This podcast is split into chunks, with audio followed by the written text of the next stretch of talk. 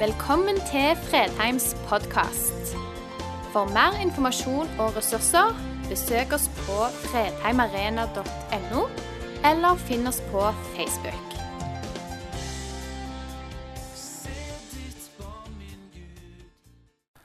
Det er ulike nådegaver representert i en gudstjeneste. Det å få lov å synge og bli ledet av mennesker med nådegaven til det, det er en fryd. Og så flott å få lov å synge det, at Gud er for oss, han er ikke imot oss. Kanskje du trengte det denne søndagen.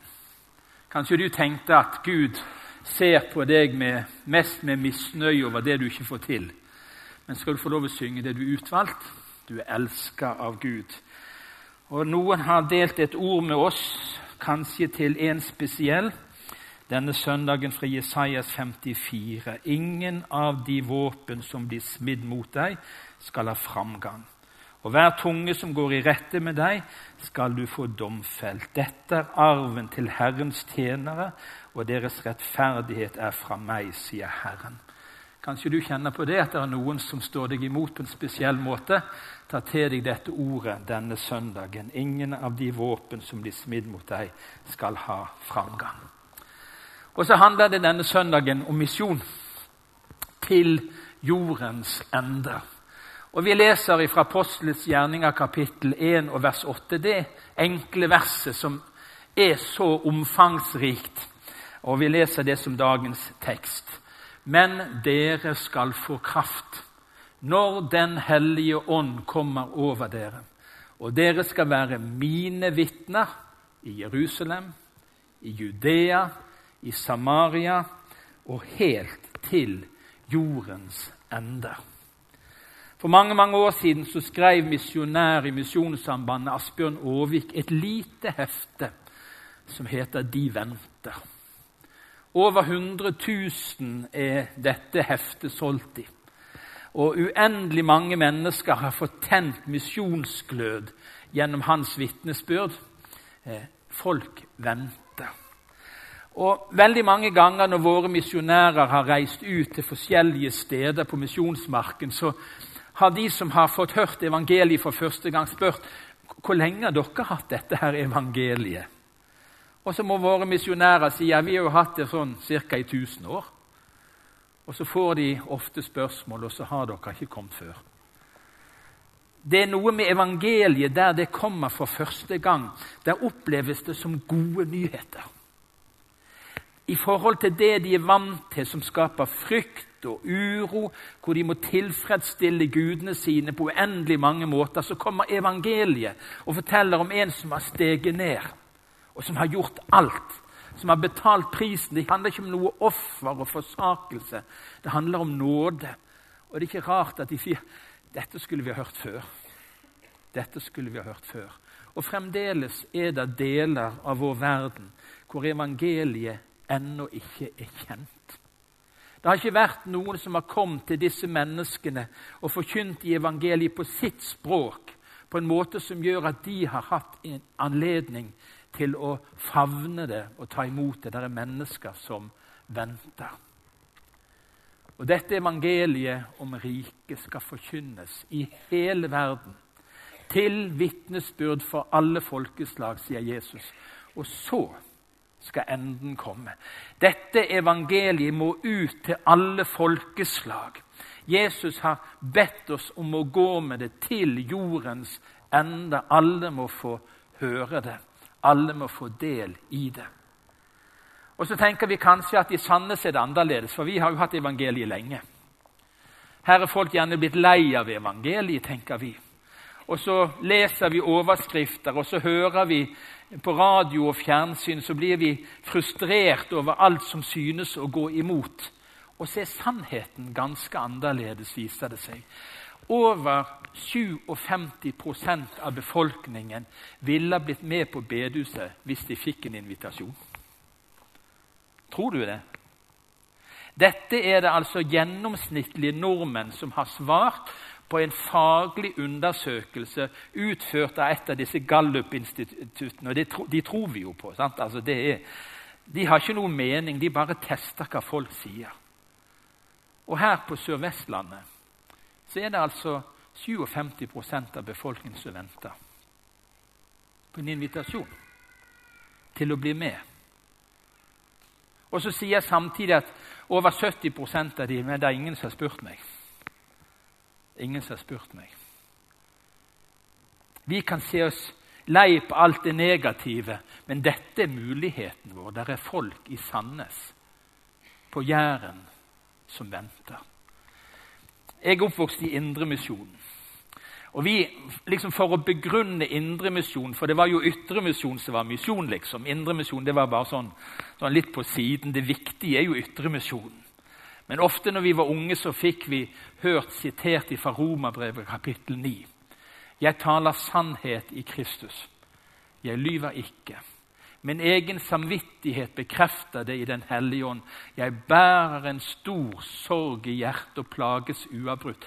Ja, jeg skulle gjerne være forbannet og skilt fra Kristus om det bare kunne være til hjelp for mine søsken som er av samme folk som jeg.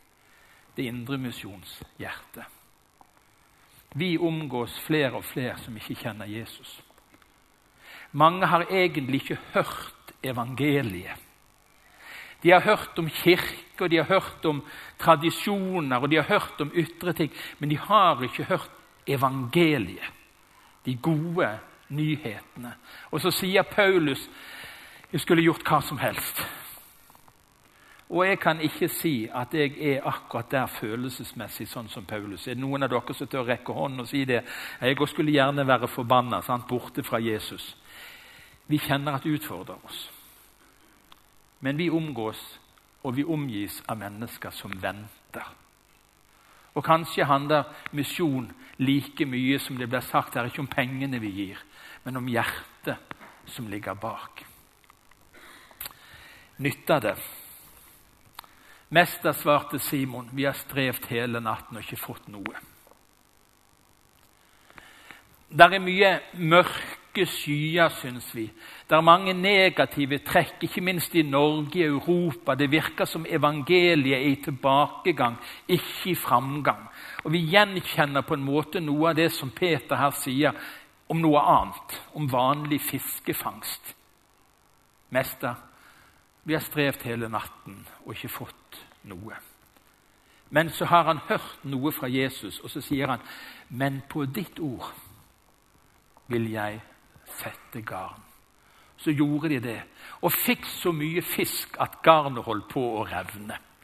Klarer du å se for deg på en måte å tenke og drømme om at det går an å sette garnene ut igjen og få så mye fisk at garnet knapt holder det, den vekten av det som kommer i. Og Nå skal du få være med på en reise. Eh, Fredheim forsamling gjennom de misjonstiltakene vi støtter gjennom Misjonsrådet, og gjennom det noen av dere gjør utenom det av eget initiativ. Vi arbeider nå per i dag i land som når 1,6 milliarder av jordens befolkning.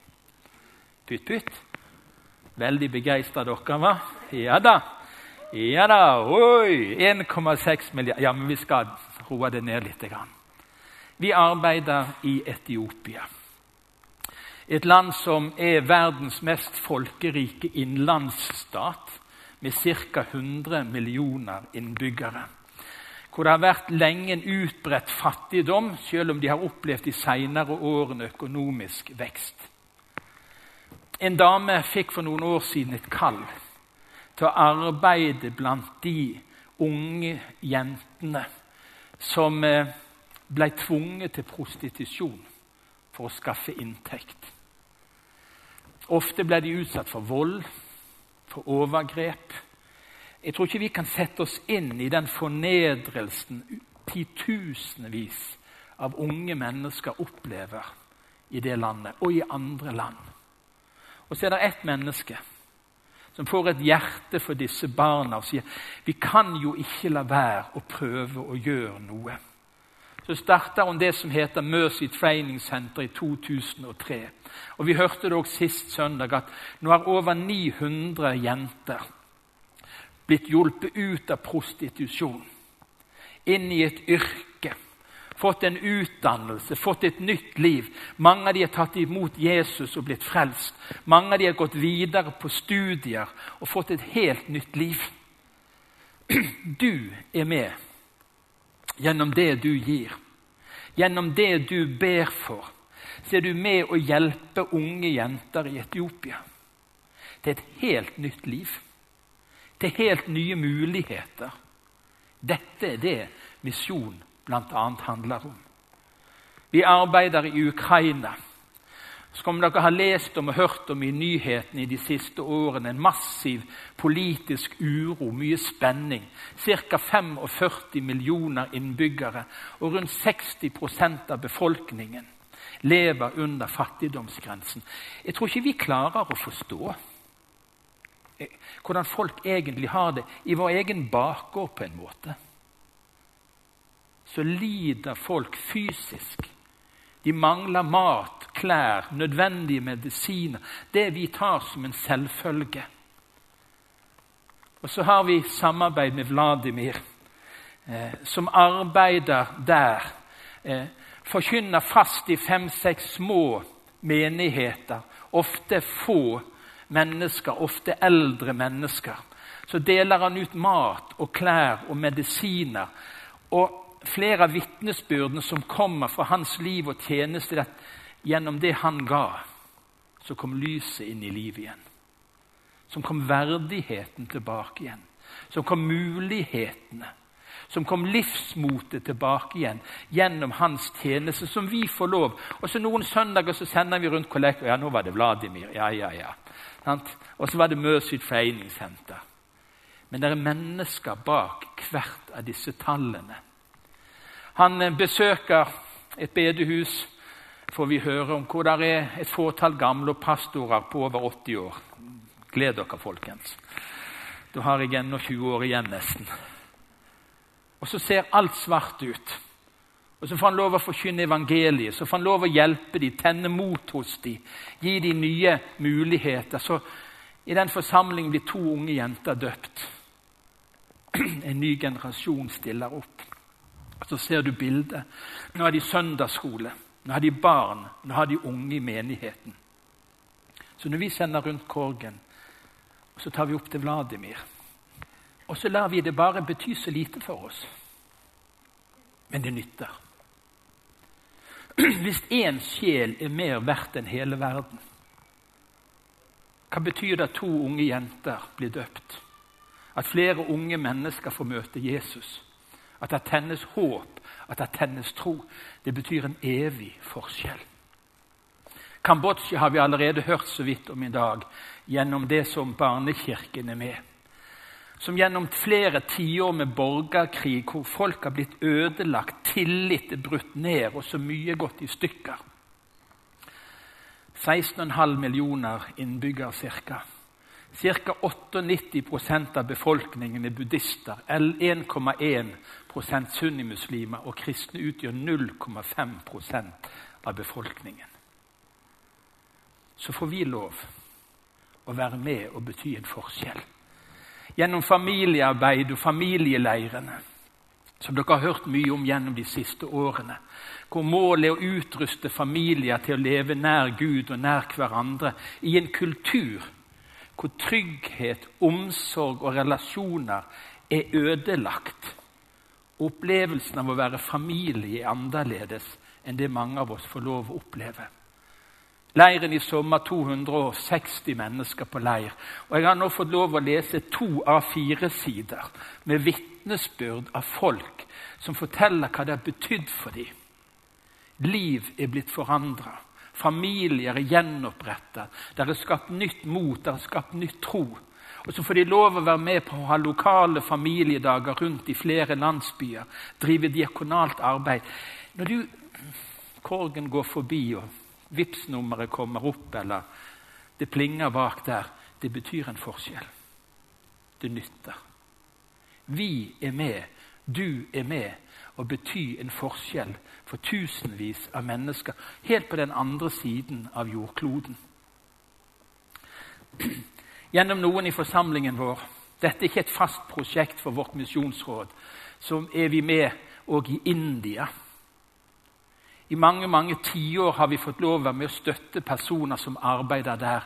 Verdens nest mest folkerike land. 1,3 milliarder innbyggere. Og Landet er så forskjellig satt sammen i forhold til åpenhet og lukkethet knytta til troen. 82 er hinduer, 12% muslimer, 2,3% kristne av 1,3 milliarder mennesker. Altså, Norge blir jo en liten forstad til Delhi, liksom. sant? Eller så Øystein Gjerme sier Norge et bostopp i Delhi, sier han. Det er liksom Norge. Det er det vi holder på med. Men så får vi lov å være med og bety en forskjell. Og så har vi i mange år fått lov å ha folk både fra vår egen forsamling som har reist ut, og folk som har stått oss nær og besøkt oss i nord, i områder hvor evangeliet har vært ukjent. Hvor det er folk med en stolt nakke, hvor det ikke er enkelt å komme gjennom. Eh, områder som er helt unådde for evangeliet. Og Siden 1993 har 187 forskjellige grupper gått bønnevandring for å være med og åpne opp for evangeliet. Det er åndskamp det er snakk om. Det er generasjoner som har levd uten evangeliet i mørket. Og så må det bes igjennom at det må åpnes en dør for evangeliet. Og først i 2014 Tenk det! Fra 1993. Stått på År etter år. Og først så mange år etterpå var den første som ble døpt. Det koster noe for noen. Det er noen som satser, det er noen som gir livet sitt for at andre skal få høre evangeliet. Og når det er flere som blir døpt, og som tar imot Jesus. Og så har de òg fått lov gjennom dette arbeidet å få starte opp en arbeidsplass i 2004 Hillkraft med fire ansatte. Nå er de 50 ansatte som får et livsgrunnlag gjennom misjonen sitt virksomhet. Gjennom folk i denne forsamlingen som bryr seg, som ofrer, som gir. Og så er de med og støtter et dagsenter som de besøker på turene blant de fattigste i Deli, med mat, undervisning, med Bibel. Vet du hva? Det er svært det vi er med på. Det nytter. Det betyr en evig forskjell for mennesker. Og Jeg tror ikke vi aner rekkevidden av det vi får lov å være med på. For et par uker siden så kom en far og en sønn fra forsamlingen inn på kontoret. Nå skulle de tilbake igjen til Bangladesh. Syvende gangen de reiser ut for å være med og dele evangeliet i et land med 158 millioner mennesker. Et av verdens fattigste land. Med høye fødsels- og dødsrater som gjør at det er en svært ung befolkning. Og Når hører vi om Bangladesh når det er flom? sant? Når det er katastrofer? Når det er tørke ett år og flom neste år? Og det de reparerte i fjor, blir ødelagt neste år. Og så har vi noen i denne forsamlingen som sammen med andre har fått et hjerte for de unådde i Bangladesh. Og Den dagen før de skulle reise, så ville de at vi skulle be for dem som fellesskap. Sende dem ut på vegne av denne forsamlingen. Vær med å be for dem og velsigne dem i Jesu navn til å nå de unådde. Og så driver de med kampanjer. Jeg si, gode, gammeldagse teltmøter. Er det noen av dere som har vært på teltmøte, folkens? Ja da. Og på slutten fått en invitasjon til frelse? Er det noen som har gått inn i bønnerommet en gang, eller to eller tre? Og så er det kampanjer. I et område hvor evangeliet er ukjent. Og Når de hører om Jesus, så er det en helt annen respons enn det vi ofte er vant med. De besøker bibelskoler, barnehjem, pastorseminar, deler ut bibler. Og siste rapport fra Bangladesh fortalte at i år var det 1128 som responderte på at de ville ta imot Jesus. Hva sier du? Og Jeg har brev fra biskopen i den kirken som de samarbeider med. som forteller om hva som har skjedd i løpet av de syv kampanjene de har vært med på. De har nådd over 70 000 mennesker med evangeliet. Der er starta 16 nye kirker med rundt 4000 medlemmer. Gjennom det arbeidet noen på Fredheim kjente et kall til og en lengsel til. Og så får vi lov å være med. Folk, det nytter. Det nytter. Det er ikke forgjeves. Det er ikke forgjeves. Ja, her er bare et lite utdrag av biskopen sitt brev, hvor han tar fram noen av disse tallene. Et av våre faste prosjekt er Åpne dører. Og De siste dagene har jeg lest og lest og lest. På hjemmesider og på meldinger fra våre misjonærer og utsendinger. Og det er helt fantastisk å få lov å være med på. Og så er vi inne i den tiden hvor Åpne dører nå setter spesielt fokus på de forfulgte. Og en mandag om ikke lenge skal de være her på et åpent møte og fortelle mer. Og så er virkeligheten annerledes. Seieren der er ofte annerledes.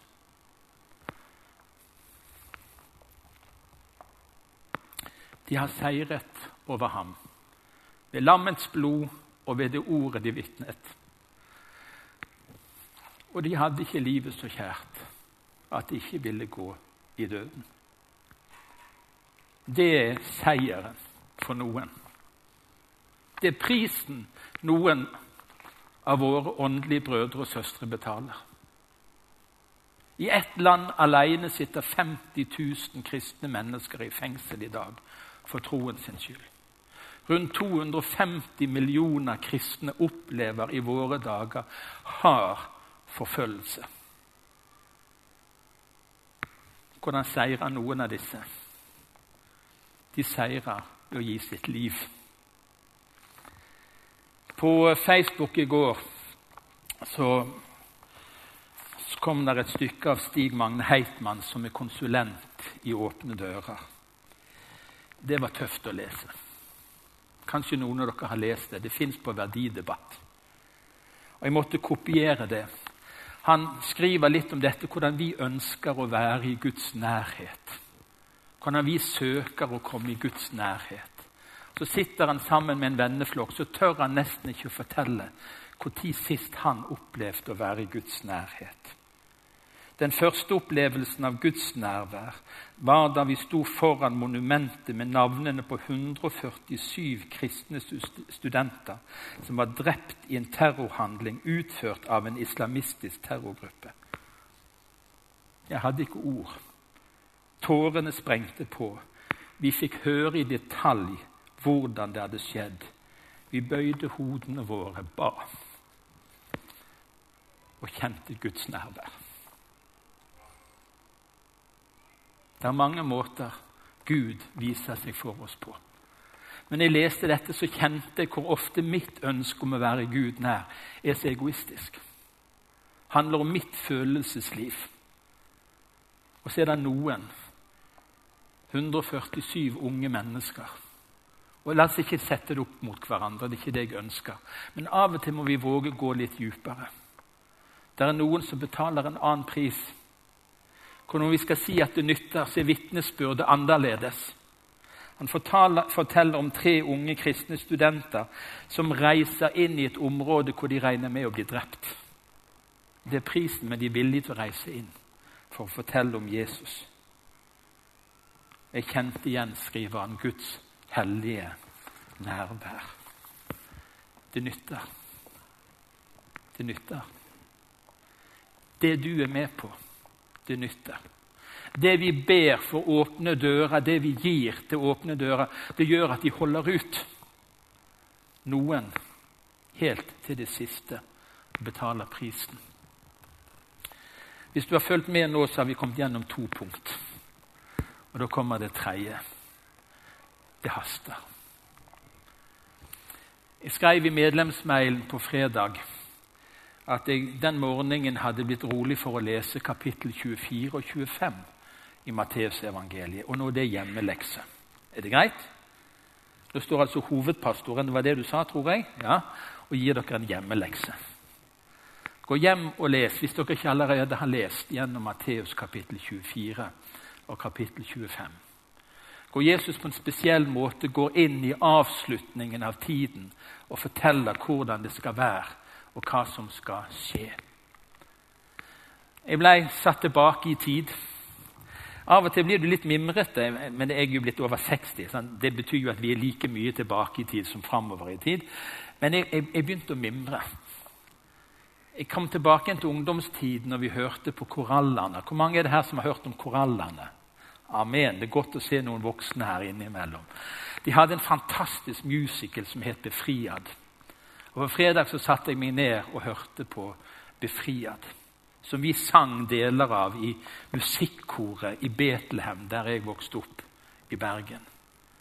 Siste sangen, avslutningen, credoet på denne lange eh, musicalen, den handler om Jesu gjenkomst.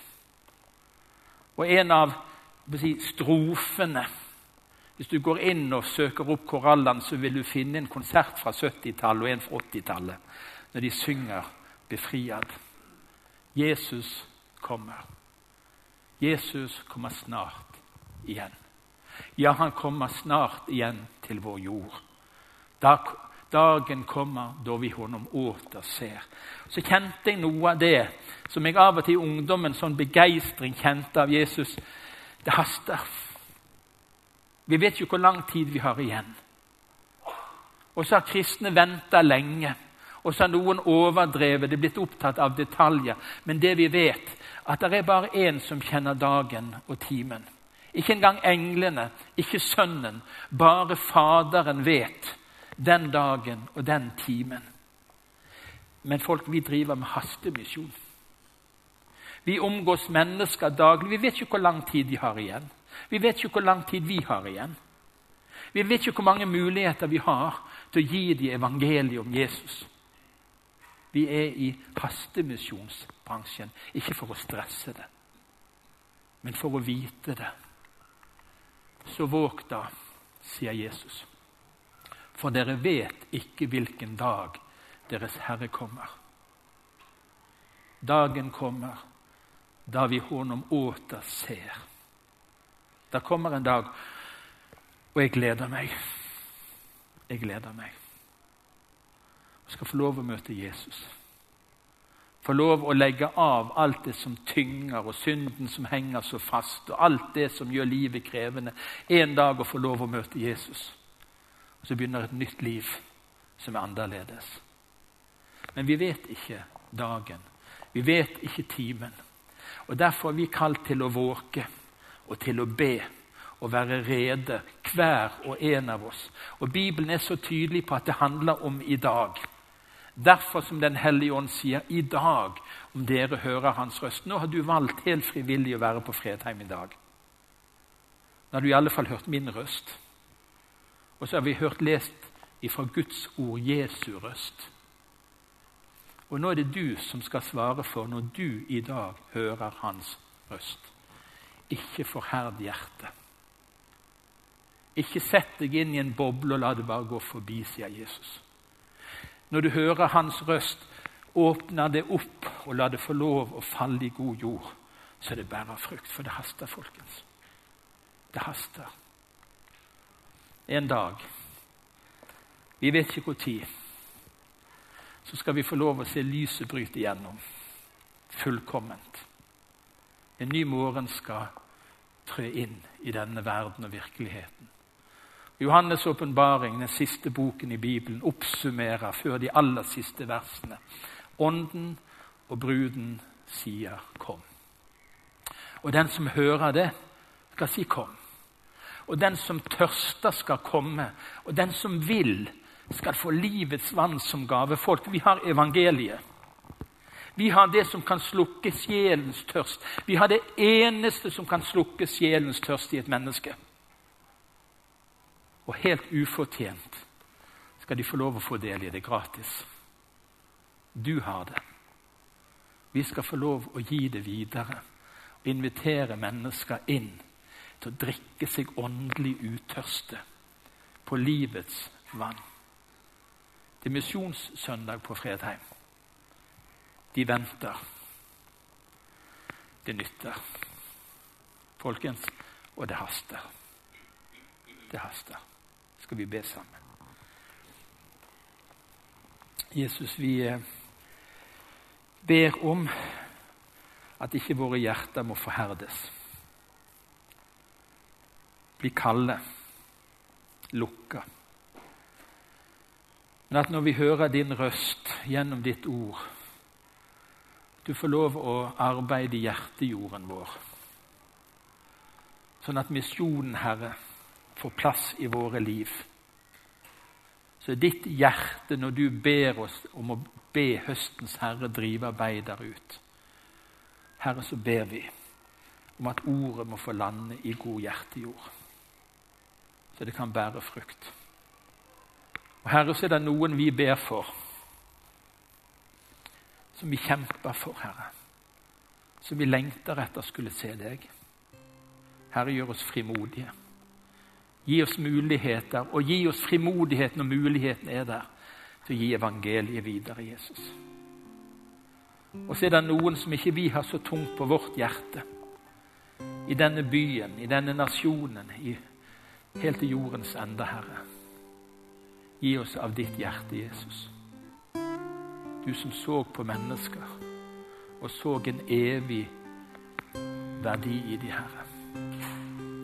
La oss som indre misjonsforsamling være en misjonsforsamling for alle folkeslag. Amen.